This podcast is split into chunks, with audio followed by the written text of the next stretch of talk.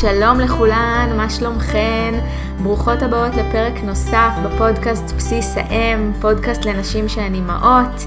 אה, הרבה זמן לא נפגשנו במדיה הזו, אה, מאוד התגעגעתי. אה, עשיתי את זה מסיבות טובות, הייתי פעילה במדיות אחרות והייתה לי הרבה עבודה בקליניקה ודברים שתובעים את תשומת ליבי בבית.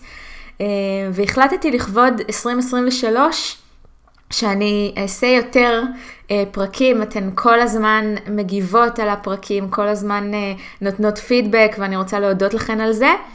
אה, והיום אנחנו נדבר על נושא שמאוד מאוד קרוב לליבי, אני קוראת לזה פרדוקס העושר האימהי, תכף נבין קצת על מה מדובר, ואני כן, כן רוצה לשאול אתכן שאלה.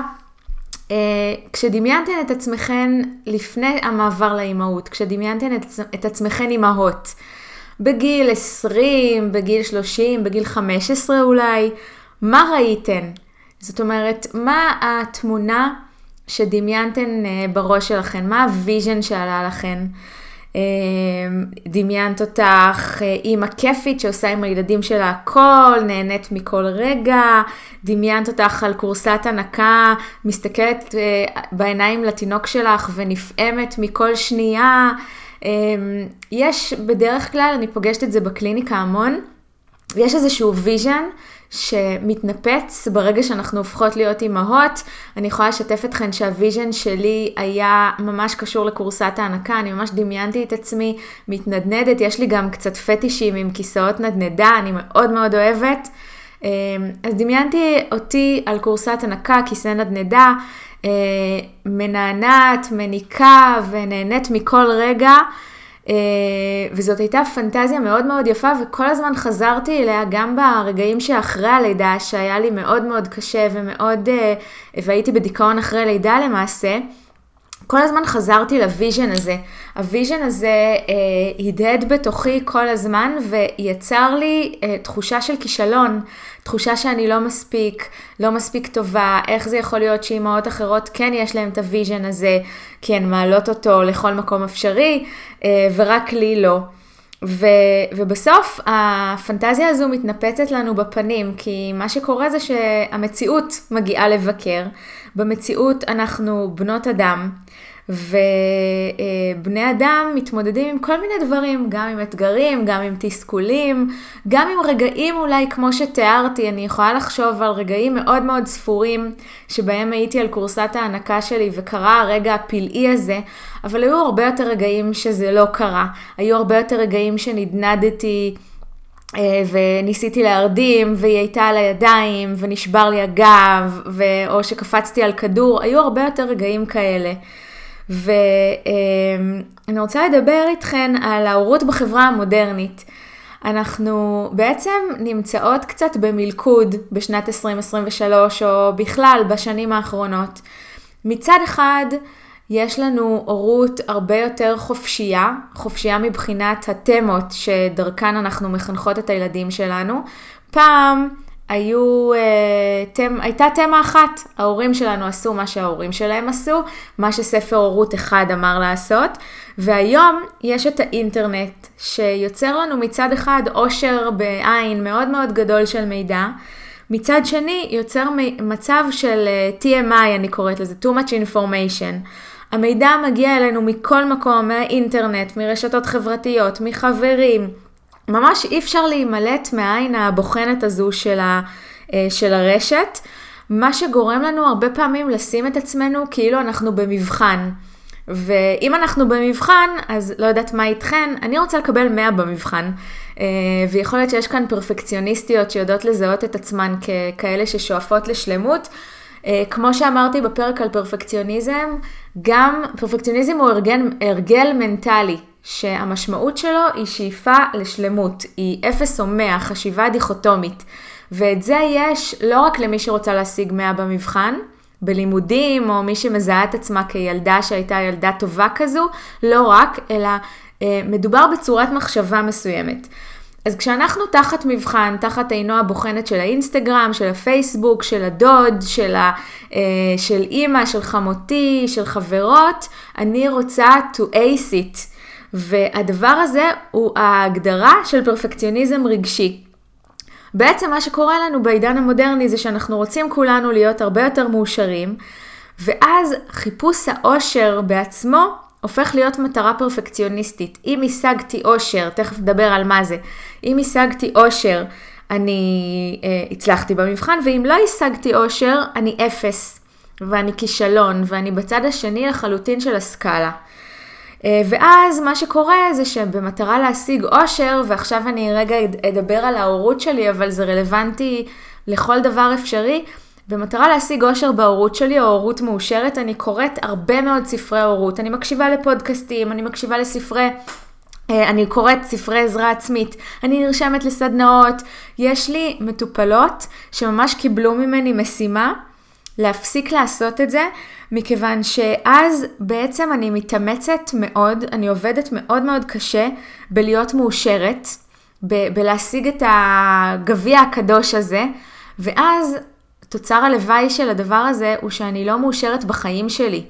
זאת אומרת, אם האושר הפך להיות איזושהי מטרה מאוד מאוד נעלה, הורות מאושרת, אה, זוגיות מאושרת, להיות אה, חברה טובה, להיות עובדת טובה, אז בעצם הדרך שלי, האופן שבו אני נוכחת בחיים שלי לא רלוונטי, כי כל מה שרלוונטי הוא האם השגתי או לא השגתי. ואז אם אני לא מאה בלהיות אימא טובה או אימא מאושרת, אני שום דבר.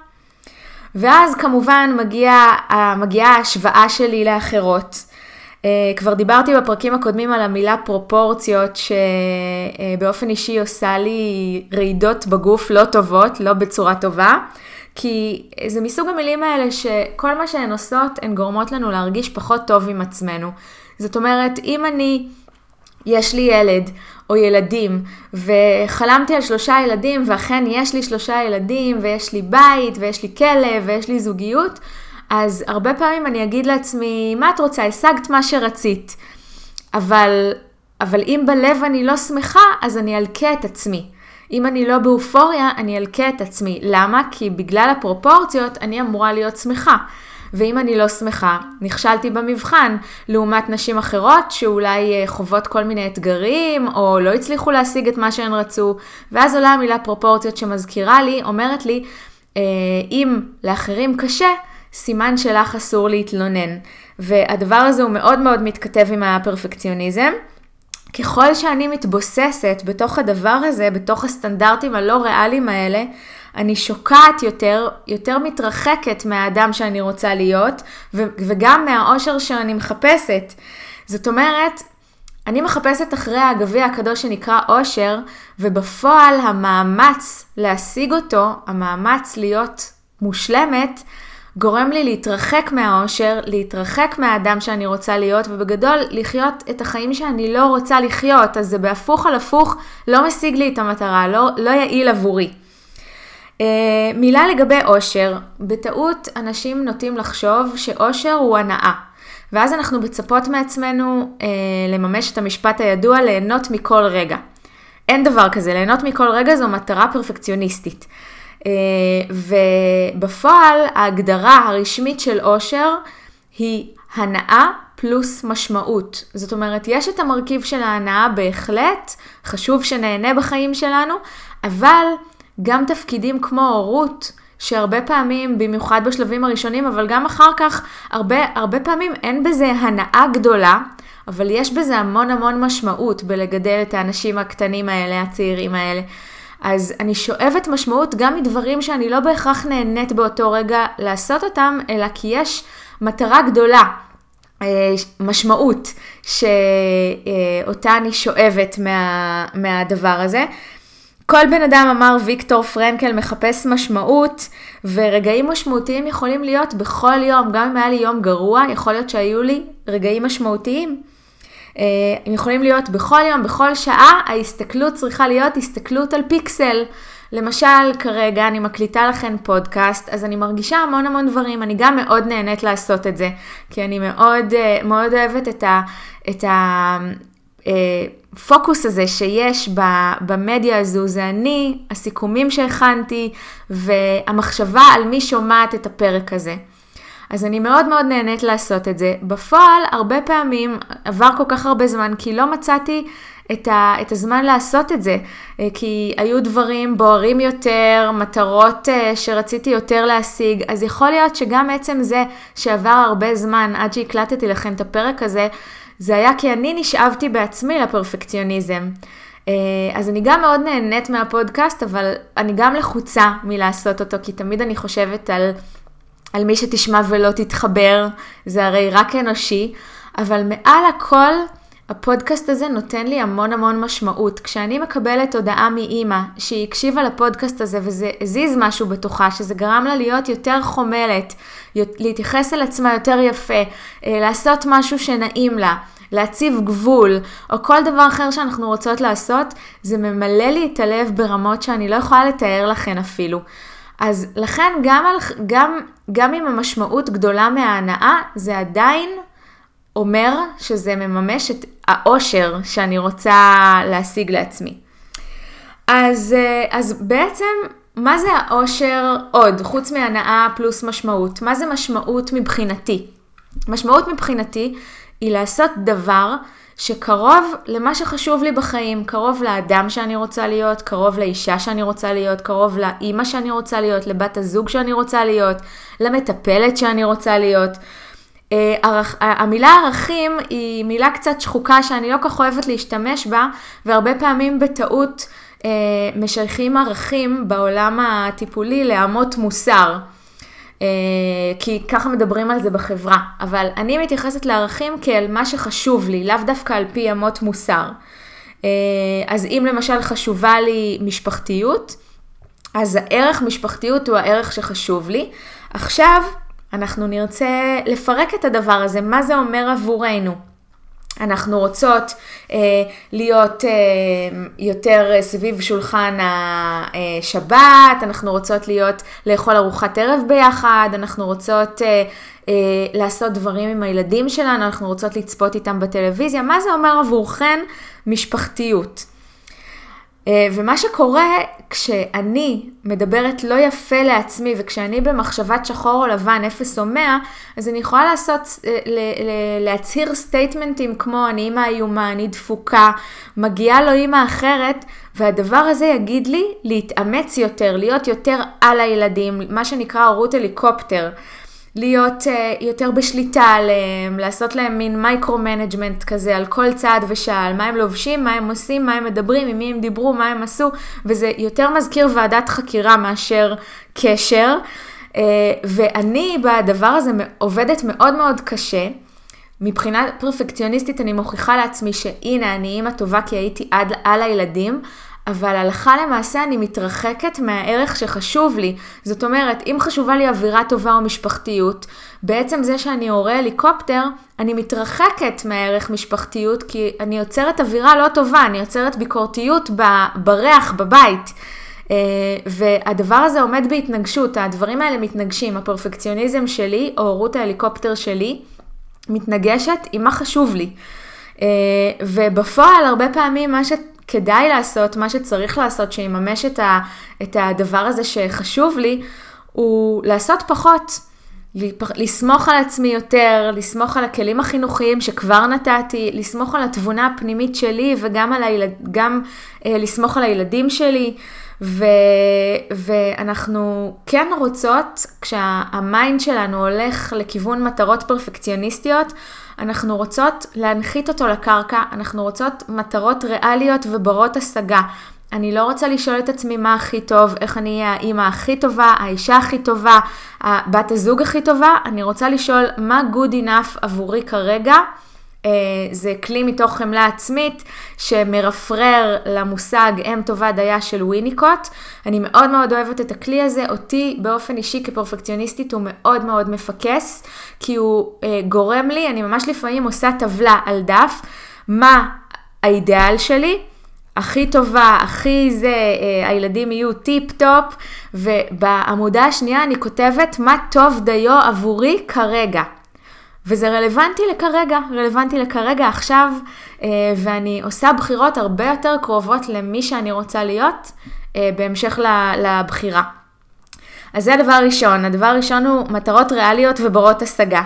הדבר השני, אם אנחנו מזהות בעצמנו את המרדף אחרי הפרדוקס העושר הזה, את המרדף אחרי השלמות הזו, אני רוצה, כמה שזה קשה ויכול להיות שחלקכן יש לכן גירודים בגוף מלשמוע אותי כרגע, לעשות פחות.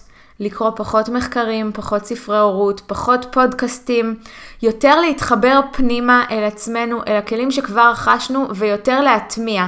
אני יכולה לספר לכם שכל שנה מחדש, אני חושבת לעצמי, מה אני אלמד להבא, לאיזה קורס אני ארשם. כרגע אני בסיום לימודי CBT, אה, וכל שנה עומדת בפניי הדילמה למה להירשם.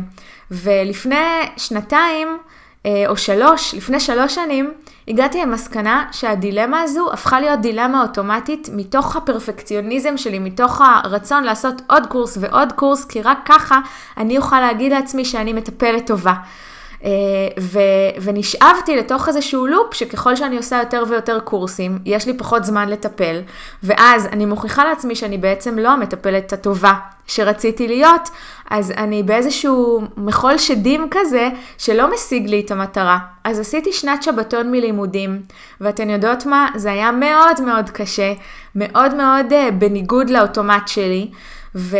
אבל השנה הזו הייתה שנה של למידה מאוד מאוד משמעותית עבורי, שנה של הטמעה של אין סוף כלים שלמדתי במהלך השנים, כי אתן יודעות, אדם שמכור ללימודים, עשה הרבה לימודים בחיים שלו, אז פתחתי קלסרים, פתחתי קבצים אה, שלא לא השתמשתי בהם המון המון זמן, וראיתי שבעצם יש לי המון, יש לי המון ידע, ואת זה לא יכולתי להשיג אם הייתי ממשיכה במרדף אחרי האושר.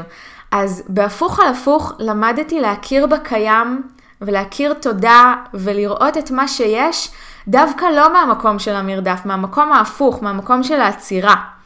אז uh, הסעיף השני שרציתי uh, לתת לכם הוא לעשות פחות. הסעיף השלישי, והכי הכי חשוב לדעתי, לשאול את עצמנו איזו אימא אני רוצה להיות, איזה אדם אני רוצה להיות, איזו בת זוג אני רוצה להיות, ממש לקחת כל פלח בחיים שלי, כל מרחב בחיים שלי, ולשאול מה חשוב לי. אני רוצה להיות שלווה, אני רוצה להיות סבלנית, תומכת, אני רוצה להיות בעשייה, אני רוצה להיות אה, אה, בחמלה. ולשאול את עצמי בכנות ובגילוי לב, האם אני פועלת כרגע כמו שהייתי רוצה להיות, כמו האדם שאני רוצה להיות. ואם לא, ואצל רובנו זה לא ככה, אה, מה יעזור לי לעשות, איזה צעדים יעזרו לי לפעול כמו שהייתי רוצה, למשל, כמו עם המשפחתיות.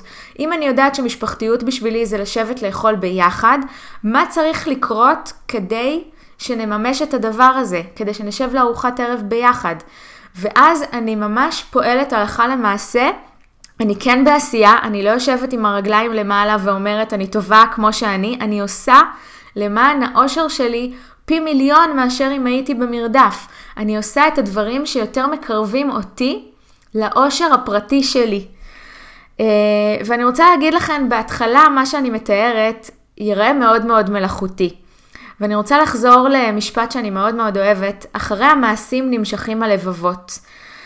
אז, וזה הולך לשני כיוונים. קודם כל, ברגע שמשהו מרגיש לי מלאכותי, זה אומר שאני משנה הרגל וזה ייקח לי זמן עד שזה יהיה טבעי, אז חשוב שאני אתאמן עליו שוב ושוב ושוב ושוב, אני אעשה ברגליים והלב עדיין יישאר מאחור וזה בסדר גמור, ככה עובדים תהליכי שינוי. ככל שיהיה לי מספיק קילומטראז' שאני אעשה דברים יותר ברגליים, אז הלב שלי ידביק את הקצב, זה פעם אחת. פעם שנייה, בכל פעם שאני במרכאות נופלת, שאני מזהה שאני לא פועלת כמו האדם שאני רוצה להיות, שהאוטומט מכניע אותי, וזה קורה לכולנו, גם לי, כמו שאני מספרת לכן, ברגע שאני אחזור בכל פעם מחדש לפעול כמו שחשוב לי, כמו הערכים שלי, כמו האדם והאימא שאני רוצה להיות, אני אתחיל את זה ברגליים והלב ילך אחריי. זאת אומרת, יש כאן כלי שיכול לעבוד תמיד, וזה לא יקרה מיד, זה תהליך אז יש כאן גם חשיבות לה, להכרה במשמעות של התהליך, של הדרך, אה, וזה בדיוק גם עומד בניגוד לפרפקציוניזם, שבו כל מה שחשוב זה התוצאה. אנחנו רוצות לקדש את הדרך, אנחנו רוצות בכל יום מחדש לשאול את עצמי מה חשוב לי היום, ואיזה צעדים יכולים לתמוך בדבר הזה. וזה בעיניי האושר האמיתי. אז בנימה אופטימית זו אנחנו אה, נסיים. אני מקווה ששאבתם משמעות מהפודקאסט הזה, מהפרק הזה בפודקאסט. כמו תמיד, אני מזמינה כל אחת ואחת מכן לחפש אותי, לכתוב לי הודעות, לכתוב לי פידבקים, לכתוב לי איך זה פוגש אתכן, הפרק הזה, או, הכי, או יותר טוב, מה אתן תעשו שונה, חדש ואחרת, כשאתן אה, אה, מבינות שמה שחשוב אלה אמות המידה שלכן. זאת אומרת, כשעשיתן את הרשימה של הערכים, ברגע שיש לכן איזשהו כיוון של פעולה, אתן הכי מוזמנות לכתוב לי מה אתן עומדות לעשות, התחייבות לצד שלישי, תמיד מגדיל את הסיכויים שהדבר אכן יקרה. אז אני מאחלת לכן המשך יום נעים, שמח בדרכו, שמח טוב דיו, חומל ובעשייה לעבר האדם, האימא שאתן רוצות להיות. נשתמע, ביי ביי!